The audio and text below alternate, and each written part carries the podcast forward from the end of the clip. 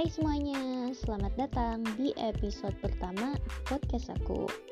Nah, di episode pertama ini nih, aku mau ceritain ke kalian tentang pengalaman aku menjadi seorang guru muda. Sebelum aku ceritain pengalaman, aku mau kasih tahu dulu nih, gimana sih aku bisa jadi seorang guru muda? Jadi kalau misalnya awalnya nih ya, kalau secara informal sebenarnya aku itu udah mulai ngajar dari sejak kelas 2 SMP waktu itu kebetulan ada temen papa yang anaknya masih SD dan butuh guru les. Jadi di situlah pengalaman pertama aku ngajar. Sampai lama-lama aku ngerasa enjoy terus aku lanjut ngajar dari yang tadinya SMP terus aku SMA kayak gitu. Jadi pas SMP aku ngajar anak SD pas SMA aku ngajar anak SMP sampai akhirnya nyaman terus pengen jadi guru. Eh, terus setelah itu kebetulan alhamdulillahnya setelah aku lulus SMA ada satu sekolah swasta yang baru buka jurusan analis kimia. Sama tuh kayak jurusan waktu aku SMK Nah, karena akunya pengen jadi guru, terus mereka juga lagi buka jurusan baru dan butuh banget guru, akhirnya aku kerja di situ. Saat itu tahun 2015, umur aku masih 19 tahun.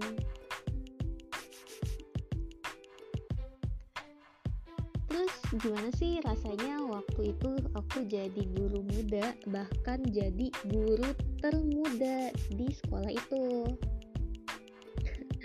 Rasanya sebenarnya campur aduk sih. Ya namanya segala sesuatu ya pasti ada suka dan ada dukanya. Nggak mungkin dong suka terus atau bahkan duka terus. Yang sukanya itu pasti yang pertama karena aku bisa uh, mencapai atau menggapai cita-cita aku dengan lebih cepat gitu. Jadi aku bisa jadi guru tanpa harus kuliah dulu Nah, terus dukanya adalah di situ namanya guru kan harus profesional. Sedangkan aku masih saat itu masih teenager, masih remaja. Masih sering galau, masih sering kebawa perasaan. Tapi aku dituntut buat jadi lebih dewasa dari orang-orang seusia aku. Gitu. Nah, terus nih selama aku jadi guru muda itu sebenarnya ada nih beberapa pengalaman yang nggak terlupakan atau bahkan unik sih kalau menurut aku. Nah, di sini yang pertama mau aku ceritain adalah pengalaman bagiin rapot.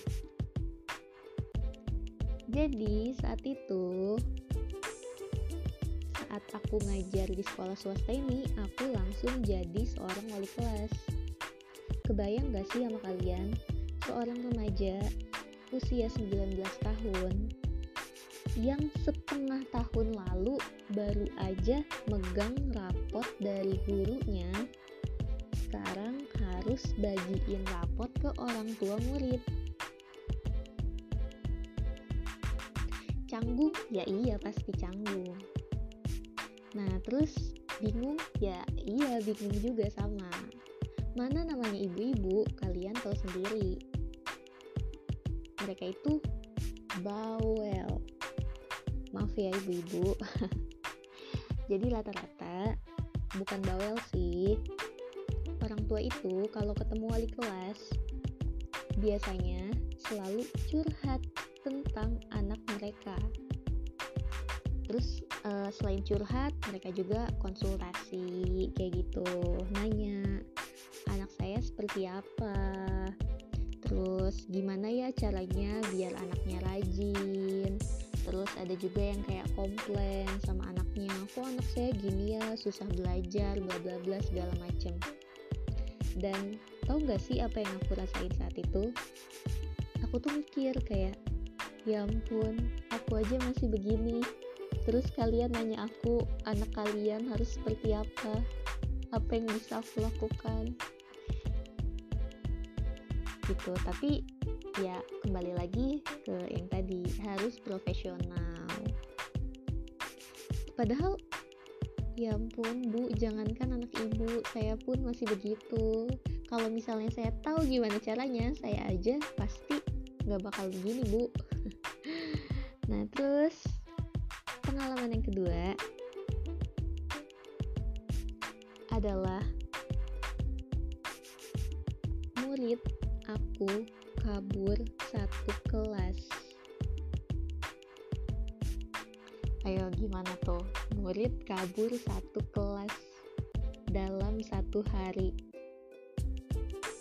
Gak ada yang datang ke sekolah sedangkan aku wali kelas mereka mungkin salah aku juga sih karena saat aku jadi wali kelas aku kelewat santai. Jadi uh, jangan ditiru ya semuanya. Jadi karena aku kan posisi aku juga masih muda aku tahu kayak ketika kita males pasti kita itu mau dipaksa sebagaimanapun buat belajar buat datang ke sekolah tetap aja kita nggak dapet apa-apa yang kita dapat cuma kehadiran selain kehadiran udah gitu.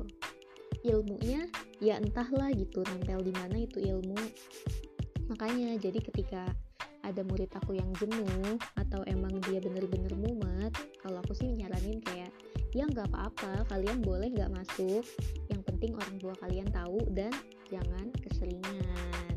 Itu dengan catatan seperti itu nah terus ini anak-anak dasar ya anak-anak anak sekolahan remaja. Mereka malah kabur satu kelas orang tuanya nggak tahu dan waktu itu juga posisinya aku lagi nggak ngajar di hari itu. Dan ribut lah pokoknya semuanya gitu nyariin anaknya ada di mana entah gitu. Jadi dari rumahnya berangkat tapi nggak nyampe sekolah orang tuanya nggak tahu mereka di mana. Aku wali kelasnya juga nggak tahu mereka di mana. Jadi ya gitulah pokoknya. Pengalaman ketiga adalah aku menemukan murid yang ternyata usianya lebih tua dari aku. Padahal kalau misalnya tiap pas-pasan dia selalu salam, selalu hormat kayak gitu. Terus pas ditanya kelahiran tahun berapa, eh ternyata angkatannya sama, tahun lahirnya sama. Ditanya bulannya dia lahir bulan April aku lahir bulan Juni. Jadi secara tidak langsung ternyata dia lebih tua dari aku. Tapi aku gurunya dia muridnya gitu. Tapi tetap kembali lagi harus profesional. Walaupun dia lebih tua tetap aku yang dipanggil ibu dan dia tetap murid aku. Kayak gitu. Terus pengalaman terakhir. Nah jadi karena Aku itu Ngajar di usia yang masih muda Terus usianya juga Gak beda jauh dari murid Paling beda 1 sampai 4 tahun doang seringlah hangout bareng sama murid-murid aku Dan itu sebenarnya menyenangkan sih. Hangout, curhat, dan lain-lain. Malah bahkan ada beberapa murid lawan jenis yang sampai deketin aku. Kayak gitu. Padahal harusnya itu tuh nggak boleh. Seorang guru dan murid nggak boleh sampai ada sesuatu kayak gitu nggak pantas lah cuma kalau misalnya orang lain ya terserah mereka lah ya kalau misalnya aku sih untuk aku aku prefer buat tidak seperti itu. Oke, okay, sampai di sini aja dulu ya episode kali ini. Semoga kalian terhibur dengar podcast aku ini. Nah, terutama buat kalian nih yang pengen jadi guru muda. Semoga kalian bisa memetik sesuatu dari podcast ini. Walaupun sebenarnya kayaknya dari tadi isinya begini-begini aja sih oke okay. bye semuanya